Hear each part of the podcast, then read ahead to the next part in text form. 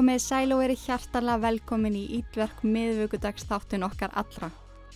Ég er að sjálfsögðu staðsetti í Leanbot í stúdíónu en Leanbot er einmitt einn aðal styrstaræli þáttarins. Ég hef verið að prófa mig áfram með nýja vörur síðustu daga en Leanbody tókin vörur frá merkinu Skinny. Og nei, ha, ha, hvað ég er að dyrka það merki mikið. Sósur, sultur, súkulæsmjör, netusmjör, allt sem maður elskar nema mun hollari kostur. Ég hveti ykkur til að kíkja á úrvali hjá Skinny, þið munu elska þetta. Við værum heldur ekkert án fyrirmynda fyrirtækisins Blush, sem er alveg við það að fara að færa sig yfir í glænýtt og risastórt húsnæði. Ég læti ykkur vita með gangmála þegar nær dregur. En mér langar sérstaklega að mæla með spilinu sambönd við ykkur. Ég er ekki að grínast.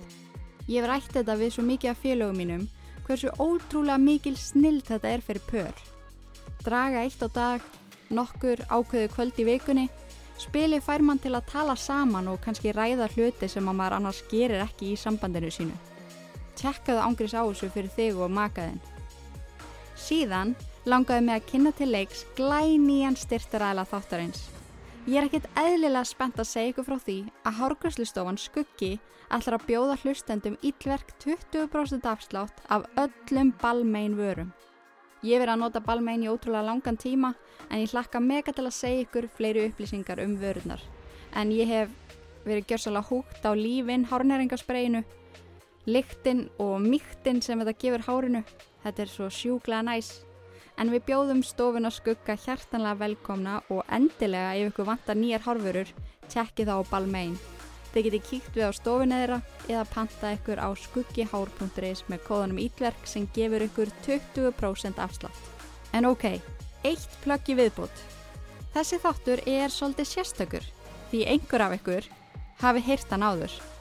En með langaði að kynna fyrir ykkur áskriftarleið ítverk.is og leiði ykkur að heyra einn þátt frítt. En ef þið vissuð ekki, þá er hægt að vera í áskrift af Ítverk þáttunum. Það kostar 990 krónur á mánuði og fyrir þann pening fáið 10 auka þætti. Já, ég sagði 10. Þetta er eitthvað sem ég kalla fjölskyldu pakkan því að þið fáið 5 trúkram þætti, 2 Ítverk teens sem eru spennandi sögur fyrir úlinga og svo 3 Ítverk krakkar sem eru fjörugir þættir fyrir okkar yngstu snillinga. Það er engin binding, þú getur prófað einn mánuð og hætt svo ef að þið finnst þetta drefleðilegt. En endilega kíktu inn á ítverk.is og skoða þau áskriftarleðina. Svona ef að þú ert nú þegar ekki komið nóga mér. en ok, gera þau svo vel. Hér fáið þið sneak peek úr ítverk áskriftinni. Dr. H.H. Holmes.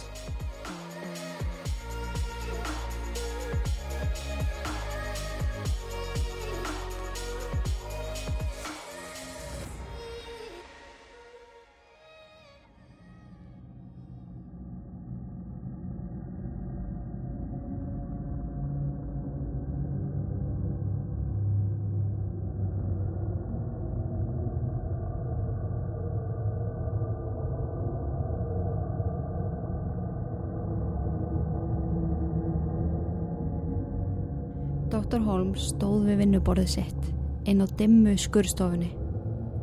Hann hafði ekki kveikt öll ljósinn sem voru til staðar þar sem hann var að vinna utan venjulegs vinnutíma. Í sannleika sagt mátti engin vita af þessari aðgerð. Allir lágu í fasta svefni inn í húsinu, blektir af veldinu sem Dr. Holmes hafi byggt. Engum mátti gruna að hann hefði tekið þetta felsbor sem hann ætlaði að afgreða þetta kvöld. Hann snýri sér að Júliu sem lága á skurðborðinu.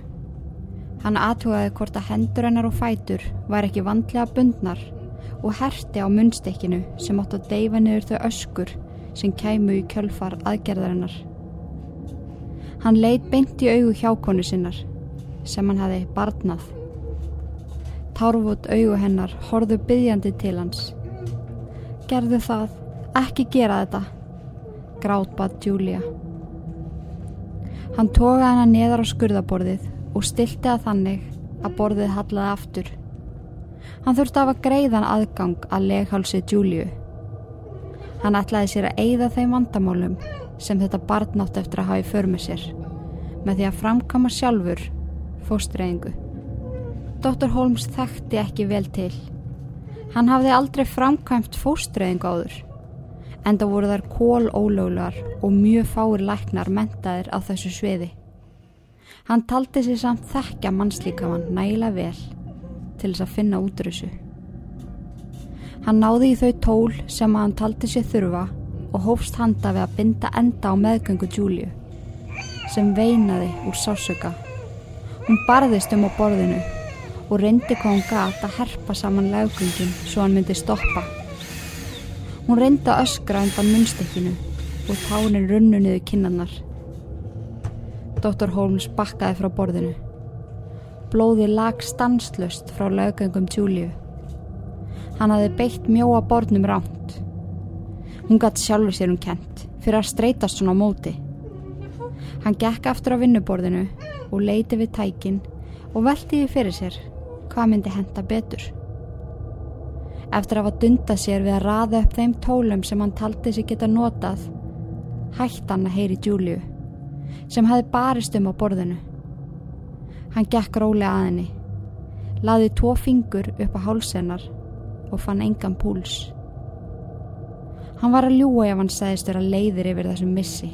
Konan hafi vissulega gert honum dagamun en hann bar ekki neinar tilfinningar til hennar. Hvað þá ástiða umhyggju. Hann tók saman verkvæni sín og skólaði þau. Klætti sér í róliheitunum, úr læknarsloppnum og hengdi allt á sinn stað. Hann tók Júliu í fangið og bar hana niður í kjallara sem var staður sem á eftir að spila stóran þátt í sögunni. Kjallara sem á frekar líka við helviti. Hann lagði hann á gólfið og gekk aftur upp stegan. Lokaði eftir sér og læsti. Hann hafði ekki bara losað sig við barnið sem að þau höfðu skapað saman. Hann losaði sig líka við hjákonuna. Eina vandamálið sem hann sá fyrir sér á þessari stundu var sexar á gömul dóttur Júli sem lága efstu hæðvilunar í fasta svefni. Hann varði að gera eitthvað í því. Hvernig átt hann að útskýra fyrir sex ára gömlu Pearl að móður hennar var í dáin?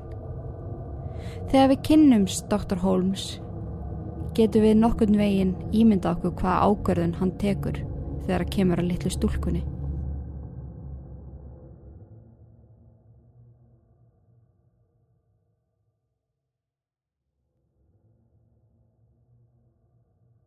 Webster Mudgett fættist hann 16. mæ 1861 í Gilmanton í New Hampshire.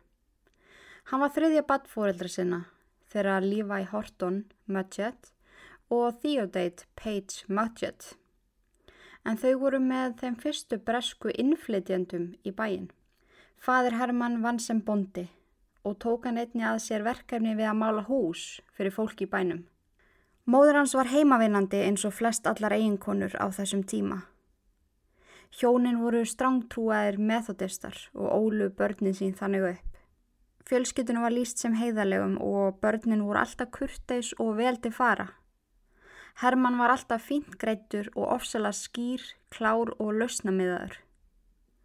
Fullotnu fólki fann skaman að spjalla við hennan litla dreng sem hafði þessa gömlu sál og áhugaverðar skoðanir. Hann var þó ekki alltaf þetta fullkóna barn.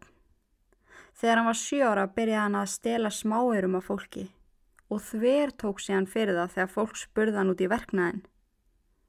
Hann snirtilega og prúða framkoma náði ofta blekja þá sem hann stalaf, á meðan aðrir efuðust um heiðarleikans.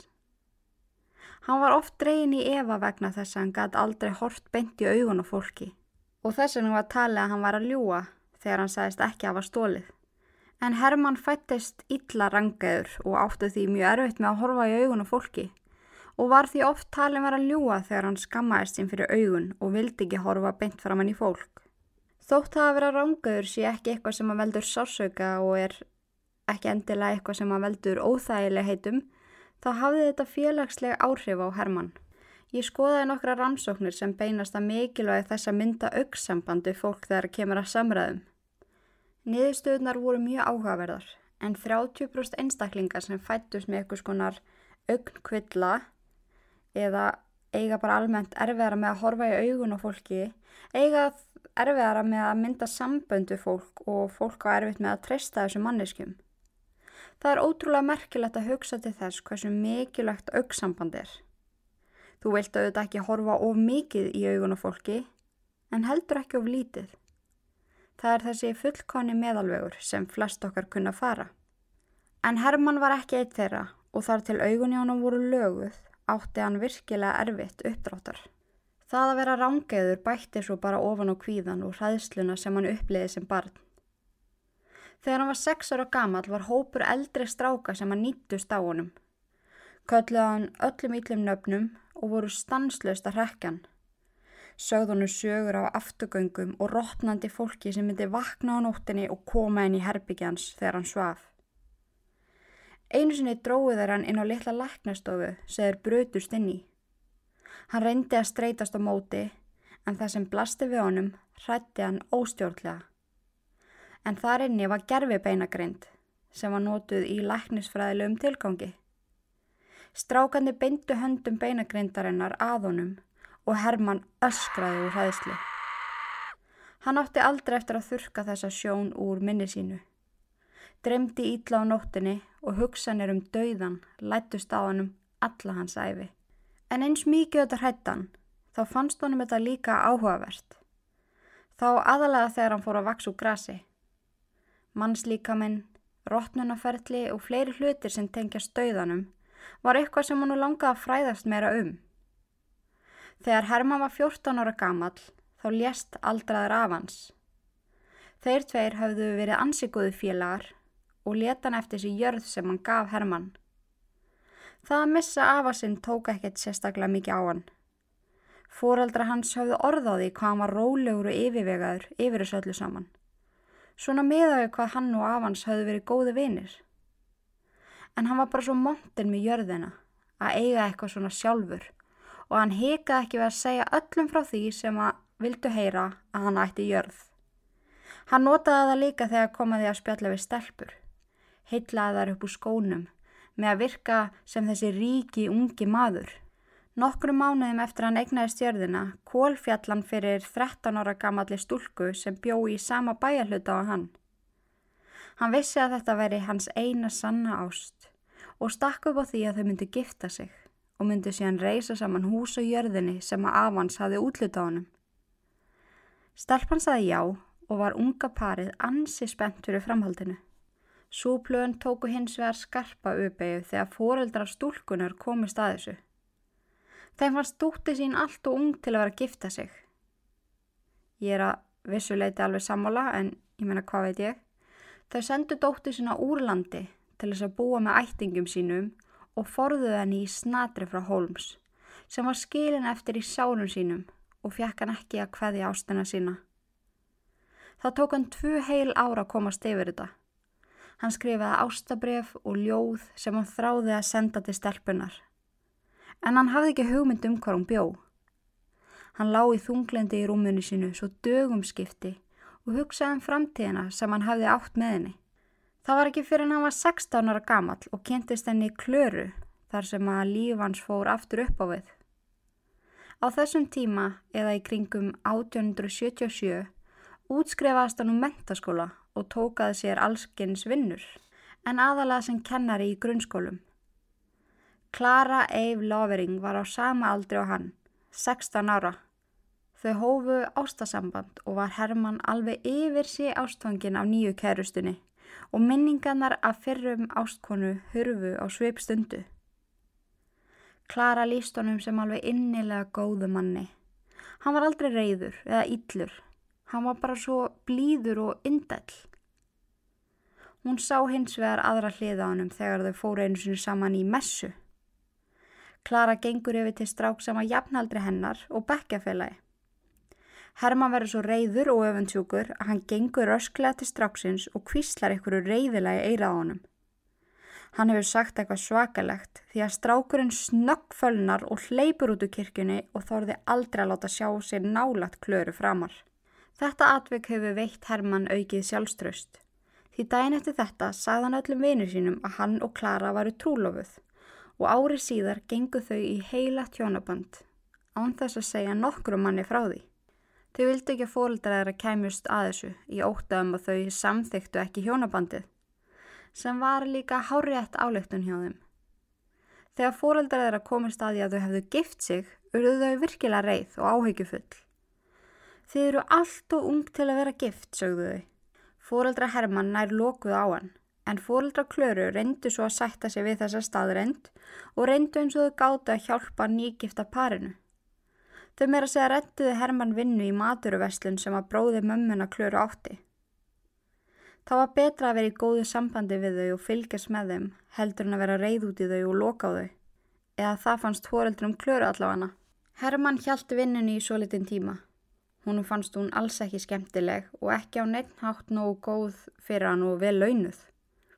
Hann átti ekki efna á því að búa einn með klöru. Svo fyrsta ár hjónabandsins byggu þau á sikkurinn staðnum. Hann hjá fóldrum sínum og hún hjá sínum. Hverja helgi gekk Herman 14 kílometra til að eigða helginni með eiginkonu sinni og gekk svo aftur heim á sunnudeginum til að mæta í vinnu. Einu og hálfu ári eftir að þau giftu sig 1880 eignuðust þau sitt fyrsta barn saman sem þau skýrðu Róbert. Klara var heima með nýfætta sónin á meðan Hermann eldist við nýja draumin. En þarna hófa nám í lækrisfræði sem átti setna meir eftir að færa honu nafni sem að við þekkjum öll, Dr. H.H. Holmes. Fyrsti dagurinn hjá Hermann í Vermont Medical School var eitt sá besti sem hann hafði upplefað. Loksins hafði hann fundið sína köllun réttu hilluna í lífinu. Starfsgrein sem átt eftir að færa honum goða tekjur svo hann geti hugsa vel um barni sitt og eiginkonu og veitt þeim allt sem þau þurftu. Á meðan Hermann stundaði nám bjó Klara heima á fóröldra sínum. Hann flutt á heimavist nálagt skólanum til að spara peninga. Þegar Hermann kynntist herbyggisfélaga sínum, Fred Engels, baðan hann vinselast um að halda í lindu að hann var í giftur. Fred sem var algjör herramaður átti erfitt með að samþykja það að þeia yfir þessu lindamáli. Hjónabönd varu heilug og hann skildi ekki alveg af hverju það væri lindamál. Herman lofaði hann um að halda aldrei fram hjá eigingunum sinni. Það væri ekki máli með lindamálið. Eftir að hafa söðað í herbyggisfélaga sínum og sannfært hann um að hann ætlaði að vera konunni sinni trúr, samþykti Fred að þeia yfir þessu. Herman var hins vegar fljótur að svíkja þetta lofurð og reyndi stanslust við dóttur húsvarðarins. Þau voru svo mikið saman að fólk held að þau varu par. Hann gisti með henni nær alla nætur og hikaði ekki við að halda í höndin á henni og kissa hann á alman að færi. Fred var brjálaður. Hann gata ekki setja á sér og vita af því að Herman ætti eiginkon og barn heima og hann hagaði sér svona. Djöðlar ég ána með Fred bæðu geðað lojal gaur, en hann fór í það að dreifa því alla sem að vildu heyra að Herman var í giftur. Þegar hjákonan fretti af þessu, hætti hún að hitta Herman, sem var brjálaður út í fred og skildi ekkert í þessari bjevítans afskiptasemi. Það kom svo fyrir nokkru síðar að Fred stalst í að nota yfirvarskegs vaksið hans Hermans sem var svo reyður að hann réðist á herbyggisfélagan og kildi hann svo oft í andletið að Fred endaði með glóðuröga á báðum. Það hefur líklegast verið stærri ástæða fyrir reyðinni. Það verður engin svona reyður út af skeggvaksi, en allir Herman hafi ekki verið mjög reyður að Fred hafi eigðilagt sambandi millir hans og hjákonunar. Það kemur kannski ekki óvart en þeir urðu aldrei vinir eftir þetta og Herman let reysa skilrúm á millir þeirra inn á herbygginu. Í lók fyrsta árs í læknanáminu færði Herman mikið á verklegum verkefnum inn á herbygget til sín. Setti upp nokkus konar tilraunastofu við skrifborðið sitt og réði kennara sem kom helgar og hjálpa árum með efnafræðinámið. Herman elskaði efnafræði og vildi næla sér í alla þó þekkingu sem hann mögulega gæt þegar að koma þeirri grein. Konan sem sá um að þrýfa herbyggin á vistinni varð oft mjög hissa þegar hún kom inn í herbyggjans. Öll tilraunaglösin, efnin og drastlið sem að fylgta þessu heimanámans. Hún fann hennu sinni lítil innibli á borðinu sem að hún hjælt að væru dýri eða jável barni. En þá hafði hann tekið þetta með sér heim úr tíma og vilja gefa sér góðan tíma í að skoða þetta betur. Ástans á efnafræði og að krefja jógst með tímanum og það sem hann tók með sér upp á herbyggi var orðið svo mikið að yfirvöld skólans þurfti að stoppa hann af. Samnýmyndur hans lístu honum sem metnaði gætnasta nefnanda sem að þeir hafðu nokkuð tíman hitt. Hann hafði svo innilegan áhuga á náminu og satt alltaf lengur í tíma til þess að spyrja kennarann á spjörunum úr. Það var því ansið mikil skellur þegar að Herman komst að því að hann ætti ekki nógan pening fyrir næstu önn í skólanum og nettist til að flytja aftur heim. Hann fekk vinnu við að kenna efnafræði í mentaskóla. Nefnendunir voru á aldurspilinu 15 til 16 ára og kvörtuðu stanslust yfir honum. Hann var svo strángur og reyður og síndi þeim engan skilning þegar þau föttu ekki hvernig átt að leysa efnafræðidæmin. Fyrir honum var þetta svo náttúrulegt og þá pyrraðan þegar nefnendunir síndu ekki jafn mikinn áhuga og skilninga á svo hann. Hann refsaði þeim óspart og letuð sita lengur. Í lok annar var búið að kvarta svo mikið yfir honum að hann var látin fara. Þá fluttist hann með Klöru og Róbert til Michigan. Þar hóf Klara störf sem klæðskeri og 21 ás gamli Hermann hjælt áfram með læknanámið í háskólanum í Michigan.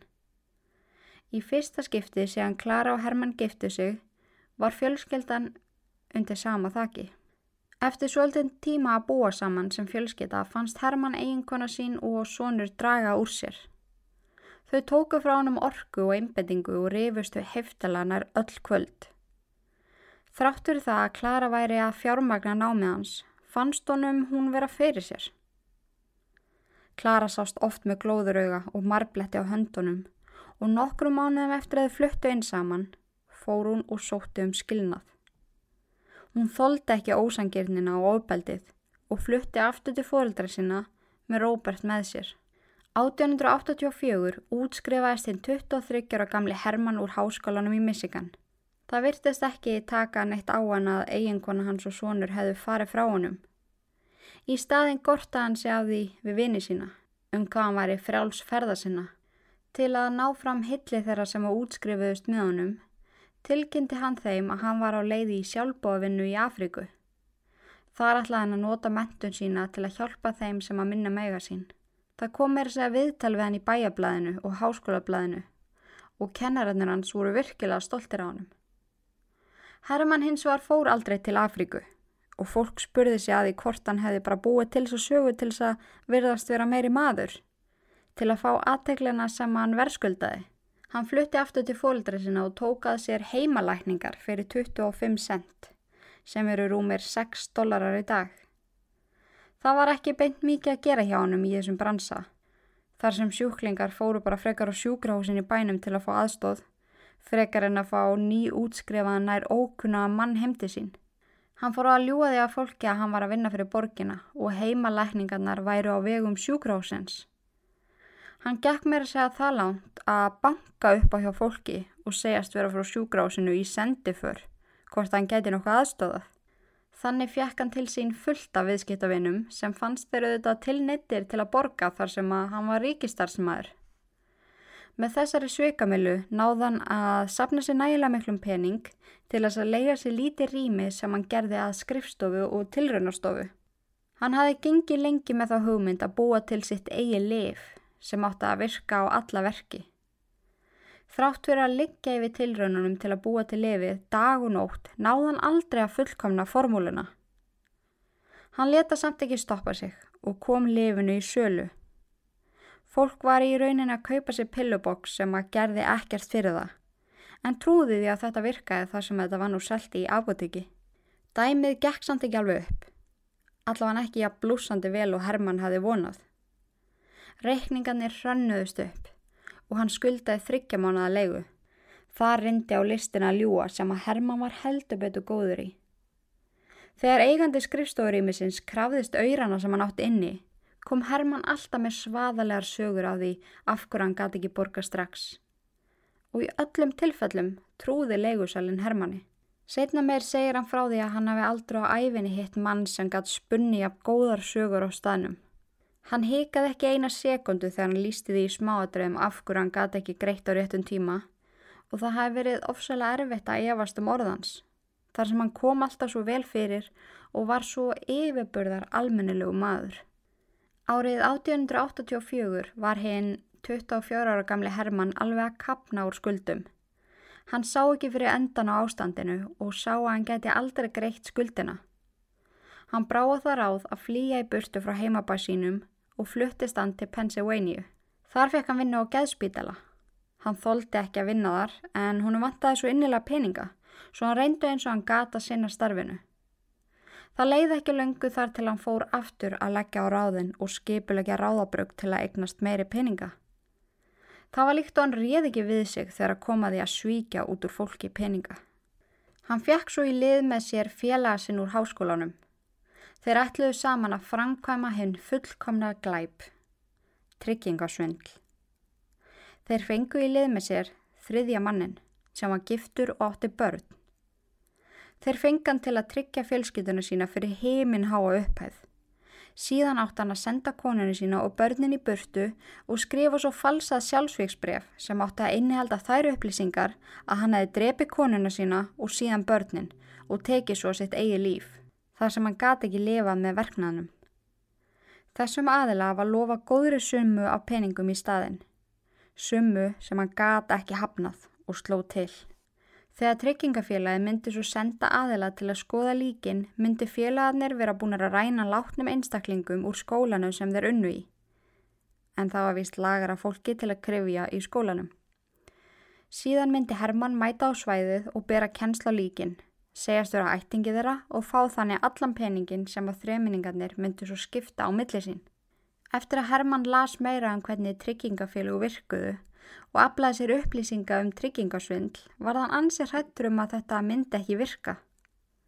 Líkin þurftu að vera nákvæmlega eins og þeir sem að látnir voru og ef að þeir væruð ekki myndi straxleika grunur á að þetta sé svindl. Hann ákvaða að veri best að hætta við planið. Hún fannst þetta of áhættu samt. En hann náði samt aldrei að gleima þessu. Hún langaði svo að keira þetta í gegn. Hann lofaði sjálfur sér að finna aðra leið til að eignast peninga. Hann fluttist til Chicago árið 1886 þar sem hann kynntist henni 24 ára gamlu muertu. Ég fann mjög lítið um þá konu. Eina sem ég fann var að hún var 24 ára þegar þau kynntust og vann á kassanum í hljómtækjaveslun. Hún á öllum líkindum vissi aldrei hvað hann héti í raun og veru og frá fyrsta degi í Chicago notaðist hann við nafnið H.H. Holmes. Hann sótti um starfi apoteki sem var í eigu ungra hjóna, The Holtons. Hann ætlaði sér að ná yfir á þeim yfir apotekinu með því að eigðilegja orðsborðes. Með því að gera það myndi hann koma þeim á kúpuna og þá geta hann keift apotekið á lækkuðu verði. Ótrúlegt hann satt þá tókst hann um öllunaverkið. Hann fekk vinnuna og eftir hverja einustu vakt stæl hann aðra grúa livjum úr hillunni. Hann vísaði viðskiptavinnanum svo í annað apotek og eftir eitt sömaratna sem starfsmæður var rýrnunin orðin svo mikil að unga parið gati ekki lengur greitti reikningarna sína. Holmes nýtti fyrsta tækifæri sem hún gafst til þess að kaupa það af þeim á hlægilegu verði. Það hlakkaði í honum þegar hann fekk liklan að afhenda. Það að svíkja var orðið brennandi áhuga mál hjá honum. Fyrir peningana sem hann fekk fyrir að vinna í apotekinu keipti hann lóðina á mótuði sem er staðsett í Englewood, uh, 60. og 3. götu í Chicago. Hann skráði móðir Muertu sem eiganda á lóðinu og Muertu sjálfa af apotekinu. Hann vildi ekki sjá nafni sitt á neinum lagalegum gognum. Því ef hann þurfti að takast á við afleggingarnar af glæpaferli sínum, þá geta hann bent í aðra átt. Hann fekk arkitekt til að tekna upp fyrir þessi húsið sem átti að byggja á lóðinni fyrir framann apotekið. Fyrst var þetta teiknað sem tveggja hæða hús, á neðri hæðinni átti að vera apotek og efri hæðinni átti að vera íbúður sem hann ætlaði að leiða út. Þannig myndi hann fá steddi tekjur. Teikningarnar á húsinu voru heldubötu skringilar, en Holmes vildi hafa lítið leiniherbyggi á milli hæðana. Leini stega sem að hann einn hafði aðgangað og annað lítið leiniherbyggi aftast á neðri hæðinni og að þið skoðu tekningar á þessu húsi þá voru mjög undarleg herbyggi, svona lítil herbyggi út um allt. Arkitektunum fannst tekningin mjög skrítin og skildi ekki akkur að hann vildi hafa þess að þrjá leinilegu aðganga. en þorði ekki aður en að verða við ósku viðskiptavinnarins. Hann fjármagnaði framkvæmdennar með ímsum hætti, aldrei löglegum samt. Hann tók til dæmis lán á nafni Muertu þar sem að húnum var útlutaður peningaskápur en það var þannig þú tók stá, stór lán í, í gamla dag þá fyrstu peningaskáp og peningin inn í honum og og vendalega inn í honum þá var heiminn há uppæð en hann hafði samt aldrei hugsað sér að greiða tilbaka þar sem hann fekk lánað. Hann let byggja veggi í kringum peningaskápin svo það var ómögulegt að koma staðanum.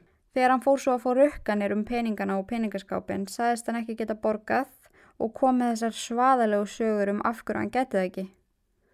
Eftir nokkra mánuði af rukkunum kom aðili frá fyrirtækinu sem lánaði honum og sagðist þurra að sækja peningaskápin. Það lakkaði Holmes og hann sagði við hann Já, endilega, sagtu bara skápin. En ég kæri ykkur ef að þið eigðilegið húsið á ekkun hátt til að sækjan. Kallaður voru út fleiri einstaklingar úr fyrirtækinu sem að fundu um hvernig væri hægt að framkama þetta án þess að taka niður vekkina til þess að sækja skápin. En þeir komist fljótt að þeirri niðurstöðu að það var bara alls ekki hægt og neittust til að skilja skápin eftir og fella niður málið. Þá komi upp mörg önnur dæmi þar sem að hann neita að borga skuldir og í heildina voru lagða fram 60 kærur á þeim tíma sem byggingin var reist. En það var einhvern veginn aldrei eftir að gera neitt í því, þar sem að hann var ekki skráðu fyrir einu en einu. Hann fekk lánuð tæki og tól hjá byggingaverslunum sem hann endur seldi svo og kendi svo aldraðri tengdamóðu sinum allt saman. Með svikum og prettum náðan að klára bygginguna árið 1888. Fljótlega færðan apotekið yfir á neðstuhæðu húsins og hóstar sem er sína sem leigusali. Hann réð nokkra aðeilað til þess að sjá um þrif á íbúðunum sem túristar leiðu og starfsmenn til að standa bak við afgriðsluborði í apotekinu. Starfsfólki hans komst hins og að fljóta því að, að yfirmaður þeirra væri hálf undarlegur. Það kom til dæmis oft upp á hann sagðistur að fara út úr bænum yfir helgina og svo rákustu á hann flóttalegan ráfandum húsið.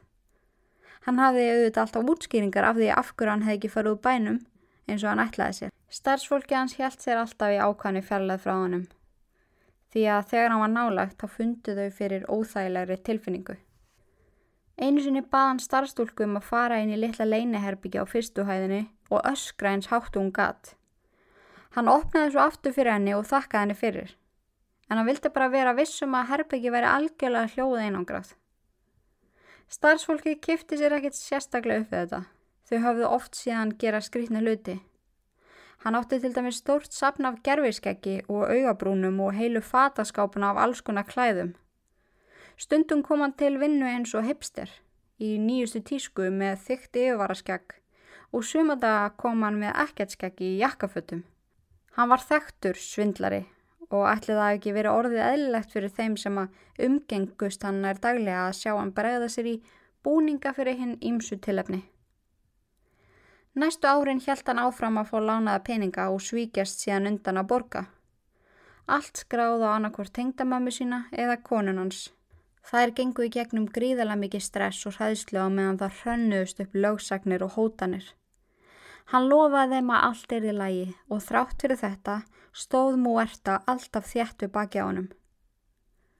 Árið 1889 eignuðust þau fyrsta badni sitt saman stúlkubarn sem þau skýrðu Lucy eftir móður Muertu. Ekki löngu eftir að Lucy kom í heiminn fluttu inn á efrihæðina ung hjón á samt sex ára dóttu sinni Pearl. Madurinn var livjafræðingur og fekk vinnu í apoteki Holmes og konan hans, Julie, fekk starf á kassanum. Holmes leist ansi vel á Juliu. Hún var hávaksinn, grönn og ótrúlega falleg. Holmes nýtti hvert tækifæri til að slá henni gullhamra og senda henni aukgotur. Þau fóru að eigða ansi miklum tíma saman og voru oft á tíðum óvegandi í hegðun við hvort annað. Holmes heyrði ungu hjónin rýfast í gegnum þunna veggi heimilisins. Ned þólda ekki að horfa upp á konuna sín að reyna við annar mann. Hún þverri neytaði fyrir þetta. Ég og Holmes erum bara góði vinir. Þegar hegðunin hjælt áfram og reyfrildin urðu fleiri og lengri, flutti Ned út úr íbúðinni og sagði upp vinnunni. Holmes og Julie hófu ástasamband. Hann eitti nær hverri mínútu dagsins með henni upp á herbyggi og kom svo niður á kvöldin og var með Muertu og Lucy sem ennþá grunaði ekki neitt. Þegar Holmes hitti nett á förnum vegi, nokkrum vikum eftir að hann flutti í burtu, monta hann sig að vera að byrja að sofa á fyrirvenandi konunans og hversu ótrúlega góð í rúminu hún væri. Þótt Holmes hefði vel átt skilja eitt löðrung þverti við moldabeðið, þá gekk nett í burtu og hristi hausinn. Hann vissi að hann væri bara að þessu til að hrista upp í honum. Hann var bara að gera þetta til að vera yllur. Samband Holmes og Juliu helt áfram í langan tíma. Hann leita á hana sem tækifæri til að græða peninga. Hann notaði hana til að búa til fleiri lítil fyrirtæki sem hann let hana skrifa undir. Svo satt hún fljótlega í súpunum með Lucy og Muertu sem voru báðarkomnar á svartan lista vegna Holmes. Hann seldi, innan gesalappa, Juliu part í apotekinu fyrir 2000 dollara sem var ansið mikill peningur á þeim tíma. Hún grætti samt ekkert á því, sá aldrei meiri tekjur eða fríðindi. Hann hyrti bara peningin og leta hann að halda áfram að vinna á kassa. Þetta var samt ekkert miða við það sem beigðinnar. Rétt fyrir jólinn, 1891, fekk Julie bóðskort í brúðkaupja svistusni. Hún var ótrúlega spennt og hlakkaði til að hitta fjölskytuna sína. Að aðfangadagskvöld borða hann veislumat með dóttusinni og króhjónunum sem byggu einni íbúðum Holmes. Þau segja frá því setna meir hvað hann var spennt að fara. Hún ætlaði að dvelja á sýstu sinni í tvær vikur en hún færi samt ekki fyrir en eftir jól. Það var ekkert sem gaf til kynna hún ætlaði að fara þetta kvöld. En eftir þetta kvöld sá enginn Júliu og Pearl aftur. Og við vitum fullvel hvað kom fyrir maðgunar. Þegar króhjónin spurðust fyrir um mæðgunnar þóttist Holm ekkert vita. Eina sem hann vissi að þar voru leið í ferðalag, þar hefðu kannski farið snemma. Hann var meira að segja miklu sambandi við Ned sem hafði ekkert heist frá fyrirandi konurinn sinu og barninu sinu. Þótt Holmes hafi viljað að allir heldu að þær var ennþá lifi, gata hann ekki hugsa sér að tapa tekjum á því að láta íbúðuna bara standa tóma. Tveim dögum eftir að þær hurfu, eða slags fór í ferðalag, var aðra grúa fólki sem kom og skoðaði, hugsanlegir leyendur. Hann kom vel fyrir, síndi öllum íbúina vel og vandlega og að eldursporðinu voru enþá óuppvaskaði diskar og afgangar af máltíð, föt á stólum og leikfenginin af pörl á gólfinu. Holmes bauð mér að segja einn í koninu sem kom og skoðaði að kaupa kjólan hennar Julie sem hengu enþá inn í fataskáp. Þetta var allt saman mjög förðulegt og til dæmis króhjónin og Ned veltiði fyrir sér hvort eitthvað fjandsamlegt var í gangi. Engin hafi samt beina sönnun að því að Holmes stæði fyrir kvarfið þeirra og enn og aftur komst þar upp með ráðabröki sitt. Þegar mánuðinni liðu og engin bendlaðan við kvarfið á Julie og Pearl fór hann að anda eins léttar. Hann var búin að fá aðra leyendur í íbúina svo peningandi tekkuð inn. Það var því engin fyrirstað fyrir hann að halda bara áfram á þeirri braut sem hann var bestur í að svíkja út úr öðrum peninga. Hann var með augast á lifi sem hann var kallað The Gold Medicine. Þetta átti að lækna alkoholisma og var gríðalega vinsælt á þessum tíma. Lifi var unnið að ekkur leiti úr gulli og var mjög dýrt. Þegar þetta var skoðað setna meir, þá virkaði lifið í raunin ekki. En seldir samt eins og heita lumur. Aðilar með áfengisvandamól keiftu þetta í vonum að losna við fíknina. Holmes ákvaði að búa til sitt eigi lif, en hann stál bara formúlunni og skipti út efninu sem var unnið úr gulli og setti í stað efni sem var unnið úr silfri sem gerði lifið mjög ódýrt í framleiðslu. Hann kallaði nýja fyrirtækið The Silver Ass Institute og stór grætti á því og seldi forveikum einstaklingum lifið. Hann einn vissi að það virkaði ekki. Þegar viðskiptavinnir komið staði að þeir hefðu verið gappaðir var Holmes horfinn með pinninganæra og ekki nokkur leið að ná í hann. Þegar það var orðið það mikið að gera hjá hann þá réð hann í vinnu hinn að 24 ára gamlu Emmeline Segrande sem átti að vera hans engareitari í Silver Ass Institute. Hann kynntist Emmeline á ráðstefnu þar sem hún fór á samt stopnendum fyrirtækisinn sem seldi gullútgáfana af lifinu. Hann var fljótt mjög hrifin að henni og fann hann yrði að fá hana í lið með sér. Hún var ótrúlega falleg, kursteis, hillandi kona frá atilögu og Holmes vissi að hún geti hjálpa honum að græða peninga. Það geti enginn sagt neyfi svona fallega konu. Hann lagði sér allan fram við að fá hana til sín. Keifti handa henni dýrar gafir, bauð henni fínt út að borða. Hann reyndi stanslust við hana. Drátt verið þá staðreind að hann ætti eigingonu og dóttur heima. Þegar hann hafði unnið Emilín á sitt band og hún var honir hrifin á honum, gerði Holmes það sem hann gerði best. Misnotaði hana og aðstöðu sína. Emilín átti sparifið sem hún hefði sapnað í mörg ár. Holmes baðum að fá sparifið í láni, lofaði henni hlutum í fyrirtækjum sem hann átti og leta hann að fá falsaðar eignarhlutar yfir lýsingar. Hann ætlaði sér að hyrða allt af henni og nota hana til að ná fram því sem hann vildi. Emilín saði sínum nánustu að hún og Holmes myndu fljótt gifta sig. Holmes hefur látið hann að halda það, beði hann um að gifta sér undir fölskum fórsendum, en sannleikurinn er sá að hún var bara enneitt parturinn af ráðabrökjans. Hann hafði samt gaman að henni, nöytast að sofa hjá svona ungri og falleri konu alltaf þegar hann langaði. Hann kefti hús í klukkustunda fjarlæð frá miðbænum og flutti eiginkonu sín á dóttur þangað. Hann vildi geta lagt á ráðin í friði, án þess að vekja upp spurningar í kolli eiginkonunar. Svona gata hann líka eitt meiri tíma með Emilín. Hann staldri ekki lengi við þetta ráðabrögg, hendi allri ábyrðinni af lefinu í Emilín og sneri sér að næsta verkefni, sem átti eftir að skila hann um svo mikið af peningum. Það hlakkaði Holmes við tilöksununa. Hann stærsta og metnafylsta sveikamilla til þessa.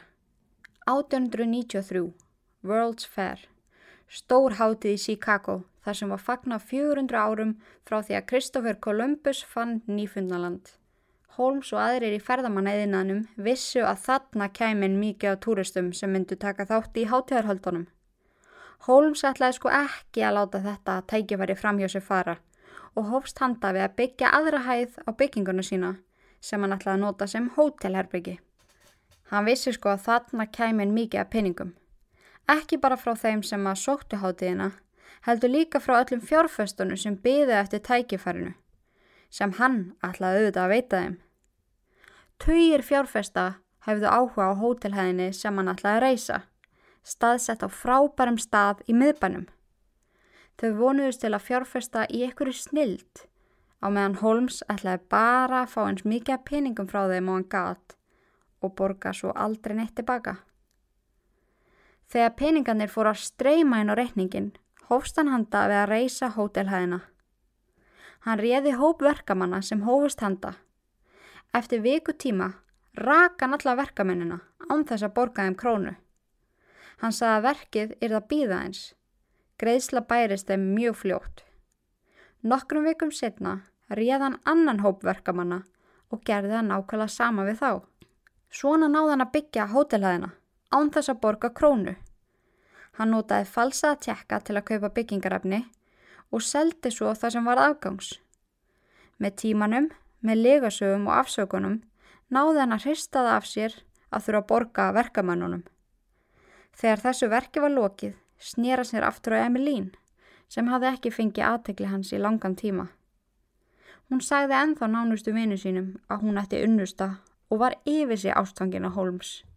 Eftir 7. desember 1893 heyrði aldrei neitt aftur í Emilín. Síðasta manneskjan sem sá hún á lífi var besta vinkona hennar, Mrs. Lawrence, sem hafi drukkið með henni kaffi á kaffihúsi fyrir bara dags þann sjötta. Þegar hún hafði ekkert heyrt í vinkonu sinni í tvo daga hafði hún samband við Holmes og spurðan hvort hann hefði nokkuð síðana. Hún á samt sára fáum vissu að þessu svokallaði unnusti Emilín var í raun Holmes. Hann saði að Emilín hefði slitið sambandinu og hlaupist á brott með öðru manni og hann vildi ekki ræði þetta meira og gekk í burtu frá Mrs. Lawrence. Nokkrum dögum síðar fekk Mrs. Lawrence og fjölskylda Emily brefi í pósti Í umslæðinu voru gögn um að Emilín hefði gifst manni að nafninu Robert Fables. Enginn kannadist við það nafn, en það kom svo í ljós löngu setna að það var enginn til með því nafni. Ekki er vita hvað kom fyrir Emilín, en sögursagnir fóru á kreik um að Holmes hefði barnað hana og hún hefði svo hlotið sömu örlug og fyrir um hjákuna Holmes, Julia. Eða hann hefði borgað henni fyrir að fara í burtu eftir hún var ófrísk. En svona miða við það hvað hann var tregu til að borga þá er fyrri valmöguleikin mjög líklegur. Sumarið 1893 kynntinst Holmes henni 24 gamlu Minnie Williams. Líkt og aðra konur sem Holmes hafi augastaða á í gegnum tíðina var hún stórglæsileg, kom vel fyrir og átti sparifje og eignir sem hún hafi ert frá fólundrið sínum. Holmes laði sig allan fram við að vinna tröstunar, gaf henni gjafir, fór með henni ferðalög og fínt út að borða. Það virtist um svo að Holmes hafi verið ansi hillandi náðungi því ekki leða löngu þar til minni var orðin bálskotin í honum. Hún saði vini sínum frá ríka lækninum sem hún var byrjað að deyta. Þetta væri hinn eini rétti og þau myndu að öllum líkendum gifta sig innan skams. Hún saði vini sínum samt aldrei hans rétta nafn og það er ekki vitað hvort að hún hafi eitthvað tíman vitað það sjálf en hún kallaði hann Gordon. Holmes liti nýju kæristan um bæin þráttur að eiga ennþá eiginkonu. Hann saði minni frá alls konar atvinnutækifærum sem hann var að spá í. Hann vildi fá hana til að treysta sér og það virkaði alltaf að hleypa konunum í lífa hans inn í businesslífið sem hann lifði. Lofa henni jafnvel að eiga hluti í fyrirtækjunu sínum og reka þau. Henni leiði eins og þau voru teimi, jafningar sem voru saman í þessu. Þau gifti sig í apríl 1883. Það eru samt ekki til neini lagalegi pappirar um þetta brúðkaup af því að Holmes falsaði pappirina til að láta minni trúa því að þau væru í raun og veru gift en hann var náttúrulega ennþá giftur muertu. Hann gekk samt öllu lengra með þessari konu heldur en hinum hjákonunum sínum, en hann kefti íbúð sem að þau fluttu inn í saman og gengu um bæin sem herra og frú Gordon. En ég hefði viljað vita meira um hvernig muertu leiða á svon tíma. Hún hlauta á að frétta eitthvað um þetta. Holmes kom í besta falli heim til hennar tveisar í viku og það er ótrúlegt að hugsa til þess hvernig í ósköpunum hann útskýri fjárveru sína fyrir henni. Kanski vissum nákvæmlega hvernig hann var. Ég ætla hann að væri til að lesa meir um hennar hlið, en þær upplýsingar eru bara ekki til. Holmes eitti öllum sínum tíma með minni og síðan sýsturinnar, Annie, sem kom og dvaldi hjá þeim í nokkra vikur og meðan á hátíðinni í Chicago stóð. Á þessum tímapunkti var Holmes orðin ansi stressaður. Hann fór á milli tvekja einkvenna tvær sikkur og fjölskyttur sem hann faldi frá korannari. Skuldina hlóðust upp og nær daglega komu innheimtumenn að leitans. Hann varði að gera eitthvað í þessu því annars færi allt til fjandans. Hann losaði sig út um nokkrum fyrirtækjum sem að hann var í þykjustunni búin að stopna, þau sem að hann hefði stopnað með nafni minni, þau sem að hún hjælt að hún hefði fjármagnað En þetta var semst hannig að hann hefði fengið henni til að selja lóðir sem hún hefði ert frá fórundri sínum og nota síðan peningin í að fjárfesta þessi þykistu fyrirtæki sem hann var að stopna í hennar nafni. Hún leta hann fá rúma 3000 dollara sem er í dag um 85.000 dollarar og þessi peningar fóru í rauninu bara allir bent í vasan í Holmes. Það varði aldrei neitt úr þessum fyrirtækjum, þetta voru bara einhverju þykistu pappirar sem að hann síndi henni, skiljiði mig en hann reyf öll gögnin og ákvaða núna að hann þurfti bara að losa sig við minni og sýsturinnar. Þetta, þú veist, annars myndi þetta bara ekki ganga upp. En eftir 5. júli 1893 sáust sýsturnar aldrei á lífi framar. Og það er ekki vita hvernig hann myrta þær og hvernig hann losaði sig við líkin. En setna meir eftir að hann var handtekinn viðurkendi hann að hafa tróði líki enni í ferðartösku og kasta út í sjó en dróð svo fljótt frásögnuna tilbaka. Það eina sem er vitað er að þær voru drefnar inn í morgastalanum og var líklegast komið fyrir eitthvað starf þar, allavega fyrstum sinn. Tveim dögum eftir að sýstinnar hurfu var búið að hreinsa íbúðuna algjörlega. Allar þeirra eigur voru hornar og íbúðin var tilbúin fyrir nýja leyendur. Það að losa sig við sýstinnar var ekki það eina sem var á to-do listanum hans Holmes. Núna þurft hann að díla við hóteli sitt sem að hann reisti fyrir World's Fair hátíðina. Því eins og staðan var þarna voru engir gestir nokkuð tíman búin að leia hjá hann um herbyggi. En hæðin var svo skringila beigð og herbyggin illa smíðuð. Það er líklegast vegna fjöldans af verkamönunum sem gengu í verkið og óskipulags sem þarna ríkti. enginn skildi alveg arkitekturinn sem var í gangi. Hurðirna lokuðust ekki almenlega, panellin á veggjónum var skakkur og laus og skápanirinn í herbyggi höfðu tvær hurðir þannig að þú gast opna innan úr herbygginu og líka fyrir utan það. Hann leiði nokkur herbyggi svart eftir að hæðin var tilbúin og flestir þeir sem voru gesti þar áttu aldrei eftir að koma aftur. Það var allt svo skítugt og skrítið og fólk skildi ekki alveg hvað var máli með þessa undalögu skápa. Það fóru að stað sögursagnir um að Holmes hafði hannað þetta svona til að njóstna um gestina sem gerði hótelið enþá meira fráhrindandi. Með tímanum áttu enginn fara upp á efstu hæðina nema Holmes. Það var stránglega bannaður aðgangur. Í einu herbygginu útbjóð hann skrifstofuna sína. Það var ekki Martin og henni, bara skrippur og stóll og stór peningaskapur og stór opn. Maðurinn sem setti upp bæði peningaskápin og opnin fyrir Holmes segi frá því setna meira að hann hafi aldrei skilið af hverju hann vildi hafa þessu hluti að inni. Það er skiljanlegt fyrir hótel að hafa peningaskáp en ekki endilega svona stóran. Það hefði manneski að auðveldlega komist þar inni. Opnin var líka eitthvað sem maðurinn skildi alls ekki.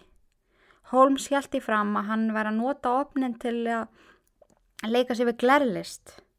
Það voru svona engin ummerki um þá eðju heldur fundur skarkreipir og gullnappar á botni opsins.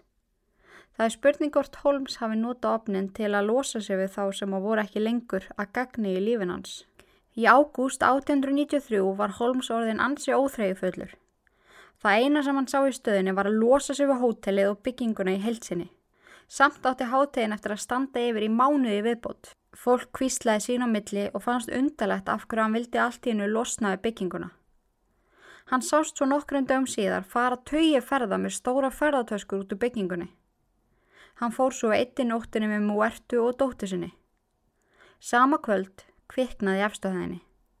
Eldurinn eigðilega þakið og mestmægni á þriðahæðinni, en slökkulismenn náða bjargarestinni og enginn slasaðist alvarlega. Svaðanlega tilvilun þá hafði hann tryggt bygginguna í bak og fyrir nokkrum dögum áður og það hefur verið sanna í dag að hann sjálfur kvekti í. Byggingin nýttist honum ekki lengur og þá var komin tími til að losa sig við hana, líkt og hann gerði með alla í sínu lífi. Þótt Márkastalinn hafi verið bækistöður glæpastar sem í Holmes, þá var hann ekki nærið því hættur. Holmes var þarna í mestu vandraðin sem hann hafi nokkuð tíma verið í, þar sem tryggingafélagi var komið í málið. Það var eitthvað undalegt við þennan eldsvoða, undirskriftina og bara allt sem kom að þessu máli. Hann var leitaður uppi, grunaður um mjög alvarlegt tryggingasvindl, en Holmes var alltaf skrefi á undan. Hann gisti á nýju hóteli nótt eftir nótt og notaðist um mismöndi nöfn og dulagerfi. Á flótta sínum undan lauruglu kynntist hann konaðan afnið Georgiana Yoke. Hann kynnti sig sem H.M. Howard og í raun allt sem hann sagði nefn sjálfa sig var lígi. Hún var falleg 24 ára stelpa með framtíðina fyrir sér. Hún kom úr velstæri fjölskyttu og var að sapna sig fyrir lagfræðinámi þegar hún kynntist Holmes, eða Howard eins og hann kynnti sig fyrir henni. Þau eruðu fljótt óaðskiljanleg. Hann notaði hana til að komast af og hún trúði því að þetta væri verðandi eigimaðurinn hennar.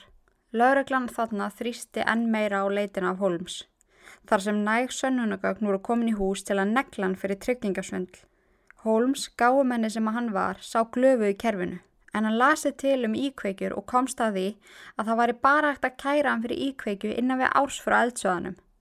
Besta lausnin að hans mati var því að halda sig lengst í burtu í heilt ár þar til allt myndi róast og fyrnast. Holmes yfika múertu algjörlega og fjórar og dóttið þeirra Lucy, án þess að útskýra málsett. Hann pakkaði tösku og fór á samt Georgianu til Texas. Hún hafði ekki hugmyndum af hverju þau voru að fara þangað en Holmes útskýrið það svona. Frændi minn sem er nýláttinn og hétt einnig H.M. Howard átti landaregn í Texas. Ég þarf að fara þangað og skrifa hendi pappira svo ég geti byggt á landaregninni eða seltana. En þetta var reyndar snildar líi hjá Holmes þar sem að þessi landaregn var til og var í eigu milli, muniði.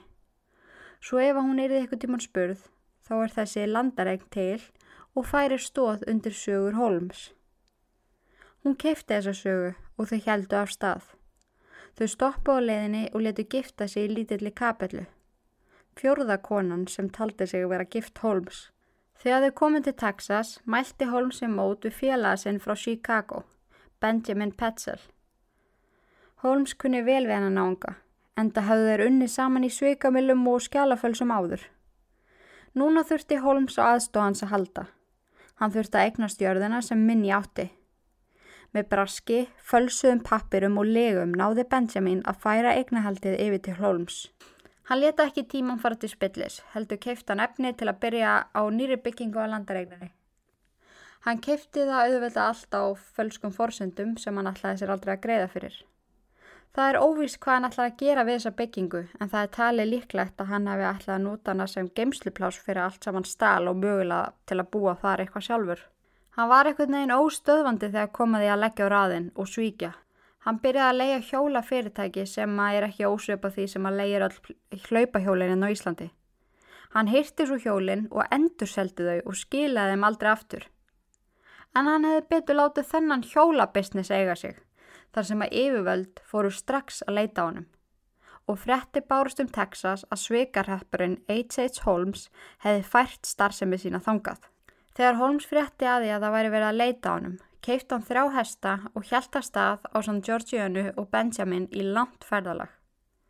Hann stoppaði hver skipti sem hann sá hesta til sölu, seldi þá sem þau voru á og keifti nýja til að vittla um fyrir lauruglu. Lauruglan í Missouri var staðfust í að láta hann ekki sleppa og viti menn, í fyrsta skipti í lífi H.H. Holmes var hann handtekinn. Það tók hann mánuð að retta upp henni sem að gætt losa hann úr fangilsinu og um leiða hann náði því fór hann aftur til Philadelphia. Það að fara í fangilsi hægði ekkert á okkar manni. Hann hafi strax samband við félaga sem Benjamin og þeir skipulöðu enn eitt svindlið. Þetta tildækna svindl hafi setið í Holmes í mörg ár. Það hafi tröflað hann óstjórnlega að hafa ekki þórað að framkama það í den. En munið eftir því þegar ég saði ykkur frá því að á úlingsaldri hafði Holmes ætlað að framkama tryggingasvindl og fjekk í lið með sér tvo félaga. Þeir hefðu svo hætt við. Holmes vildi láta reyna át aftur. Benjamin átt að þykist hafa tekið sitt eigi líf, flýja svo brott og þá gætu þeir félagar skipt á milli sín líftryggingunni. Það sem Benjamin vissi hins vegar ekki var að Holmes ætlaði að láta þetta plan ganga hvort sem að Benjamin væri lífs eða liðin. 1. september 1894 gekk Holmes upp að heimili Benjamin. Hann bankaði á dyrnar og hleyfti svo sjálfur sér inn. Hann gekk upp stegan og inn í stofu Benjamin sem sata sófanum blind fullur. Hann drakk hrigala mikið þannig að þetta kom Holmes ekkit óvart. Hann fyllti stanslust á glas félagasíns sem sporður endi glasi og eftir glasi af sterku víni. Þegar Benjamin var orðin nær rænulöys úr áfengisálögum, tók Holmes tusku upp á vasanu sínum, hann var sulturslagur, fór svo í hinvasan, sóttu brúsa af glærum vögva, styrtaðu brúsanum í tuskuna og bar hana upp að vitum félagasins, sem hætti að reyfa sig eftir nokkra mínútur af því að andaði sér klóraformi. Hann heldi síðan eldtvimum vögva yfir andlita á Benjamin, kvekti á eldspítu og hendi henni í andlita á hannum. Hann laði svo pípu við hliðan ánum og vildi láta þetta líta út eins og pípan hefði sprungið í andlita á hann. Þegar hann hefði svo lokisra fór hann og sóttið Georgianu og þau fóru saman til St. Louis þar sem að fjölskytta Benjamin var. Þegar hann bankaði upp á hörðinu á heimili fjölskyttunar kom út grátin eiginkuna Benjamin til dera. Hún hefði fengið sjálfsmórsbrefið með postunum og var algjörlega eigðilögð og skildi ekkert hvað var eiginlega í gangi. Holmes sagði henni að hann hefði frettir að færa að Benjamin og veselingskonan brotnaði niður og hágrið. Hann náði að róa ná segin að Benjamin væri ekki dáin, hann væri sperra lifandi en hann væri bara í felum. Þeir hefðu skipilegt þetta saman til að fá út úr tryggingunum háa upphæð. Núna er hún að herða sig og koma til Fíladelfíu til að bera kennsla lík sem að þeir sviðsettu sem lík Benjamin. Eiginkona var svo fóru veika á þessum tíma að hún sendi 15 ára gamla dóttu sína til að bera kennsla líkið, sem fór ásand Holmes og þau gengu saman inn í líkhúsið. Hún staðfesti að það væri lík föðu síns, svo þau fengu tryggingafíð. Það sorglega var að þetta var í raun og veru pappennar. Hann var bara svo illa farin og brendur að hún þekkt hann ekki. Holmes fekk greitt úr treykingafið og hyrti bróðupartina því og sendi smáraði til fjölskytunar. Þegar hann taldi sér vera laus allara mála, þegar að koma fjölskytu Benjamin, kom hins vega babbi bátinn. Eginkonan fór að spyrjast fyrir um hann. Þau voru búin að fá greitt og núna væri tími fyrir hann að koma aftur heim. Hún bað Holmes aðstofa sig við það. Hann saði hann að það væri sjálfsagt að hjálpa og ætlaði að finna fyrir þau nýjan samastað þar sem að þau getu öll búið saman á ný. Holmes saði fjölskytunni að Benjamin myndi hitta þau í Indianapolis og þar getu þau hafi nýtt líf saman. Þegar fjölskytan kom á áfangastað, hóf Holmes annað djöfulegt plan. Hann þurfti að losna við eiginkonuna og börnin hennar fimm. Í þetta skipti ætla hann sér ekkert að græða á því heldur leita hann bara á fjölskytuna sem lausa enda sem hann þurfti að losna við bara svona eitthvað drastlema hann þurfti svona, einmitt ítundi móttina þau getur komið honum í klandur á meðan eiginkonan kom sér fyrir í nýja húsinu bauð Holmes elsta drengnumennar Howard með sér í gönguferð hann vissi um lítið skíli rétt hjá nýja heimilinu þar sem að hann þurfti að ná stráknum eða hann þurfti að ná stráknu þangað Hann tók með sér körfu að nesti og elda handunum þegar þeir voru komnir að skílinu. Hann setti eitur í matin hjá straknum sem að lest nokkru mínútum eftir fyrstu bitana. Það er ekki vita nákvæmlega hvað það var sem hann notaði til að eitra fyrir honum en hann hengti svo stráknum á bálið og heldi eldfumum vögva til að flýta fyrir. Þegar hann kom tilbaka sagði hann móðu drengsins að Howard hefði orði á frængu sinni, Minni. Þau hefði náð svo vel saman að hann hefði leift honum að gista þar einan ótt. Holmes laðist í kvílu á sófanum á nýja heimili fjölskytunar og daginn eftir tilgjenti hann þeim að þau þurfti að fletja aftur. Benjamin gæti ekki komið á þessa staðsningu en hann ætlaði að hitta þau í Toronto. Minni ætlaði að koma með Howard tangað þegar þau væri búin að saminast Benjamin. Enn og aftur pakkaði fjölskytan saman eigum sínum og hjælt af stað til Toronto og Holmes var með þeim í för. Á meðan var rannsóknulaureglan að komast af ínsu þegar að koma að andláti Benjamin. Það voru ykkur bráði í tabli og þeir urðu að ná Holmes. Það var ráðið en helsta engaspæra í landinu til að finna út hvað hann heldi sig. Fara yfir öll gögg sem voru til og neglan fyrir fullt og allt. Þótt Holmes hafi ekki vita að svona stóri leit væri í gangi þó gruðin á honum að hans tími væri að renna út. Fljótt myndi flettast ofan af glæpumanns. Hann kom með enn eina afsökuna fyrir því að Benjamin gæti ekki hitt fjölskyldunum sína í Toronto og sagði eiginkoninni að fara með tveggjara svonsinn til New York. Hann skildi síðan koma með þrjára eldri selpunar til hennar ásand Benjamin. Böguð úr sorg og þreitu og örvendingu hlýtti eiginkonan Holmes og hjælta stað með litla barni sitt til New York. Sama dag og móðir eldstu stelpana fótti New York eitraði Holmes fyrir þeim, klættiður úr fötunum, brendi þau og gróf svo grunnagröf og fleiði stelpunum ofan í. Það er ekki mikið af gögnum en um ferðir Holmes næstu vikur eftir að hann myrti stelpunar. Hann ferðast með Georgianu um Kanada, gisti á hótelum undir fölsku nafni, alltaf í nýjum dölagerfum. Það sem hann vissi ekki var að lauruglan var alltaf hænuskrefi fyrir aftanan staðföst í að negla hann svikara og morðingja í eitt skipti fyrir öll. 13. november 1894 byrtist hann í Boston og ætlaði að dvelja þar í eitthvað tíma. Eins og honum hafði alltaf tekist var hann vissum að hann væri laus allra mála, en hann hafði virkilega ránt fyrir sér. 17. november réðust á hann um töyir vopnara lauruklumanna og hann tóka hann. Hann var fyrst um sinn handekinn fyrir ólöglega sölu á herstum en hann hafði vist selt herst sem að hann tók og leiguverði og selt, endur selt og bla bla bla var eitthvað svíkjast til með peninga í Texas. En þetta var bara afsökun til að koma honum strax í gæsluvarðhald. Þegar hann var komin bak við lás og slá, dundu á hann spurninganar. Hvar eru Minni og sýstirinnar? Hvar er Benjamin? Næstu mánuði sagði Holmes mismunandi sögur. Hann lög stanslust að því hvar sýstuna væru. Hvort Benjamin og fjölskyttan hans væri enn á lífi. Og það var í raun ekki hægt að taka neinu, alvarlegu sem hann sagði. Það var eldur ekki hægt að negla hann fyrir neitt af morðunum. þá voru engar áþreifanlegar sannanir. Ekki fyrir enn í júli 1895 þegar líkamsleifar dætra Benjamin fundust undir leiguhúsna í Holmes í Toronto. Hann gati ekki lengur haldið fram að þar væru í félum á samt föðu sínum. Þegar þessi staðarind var borin undir hann, saðan orðrætt. Well, I guess they will hang me for this. Og það er nákvæmlega það sem átt eftir að gerast. H.H. Holmes var dæmtið til dauða í oktober 1895. Hann ákast nátt að nýta tíman sem hann átti eftir ólefaðan. Hann viðkendi að hafa drefið 27 einstaklinga á sinni stuttu æfi, en þarna var H.H. Holmes aðeins 33 ára gamall. Það er samt ekki hægt að taka mikið mark á þeirri tölu, þar sem að sömur einstaklingar sem hann sagðist hafa drefið voru enn á lífi. Hann sagði allt til þess að vera í söðsljósinu, bara til þess að vera eitthvað stórt og mikilvægt eins og hann hafði alltaf þráð. Sögusagnir fóru á kreik um að hann hafi drefið hundruður einstaklinga í sínum svo kallaða morkastala.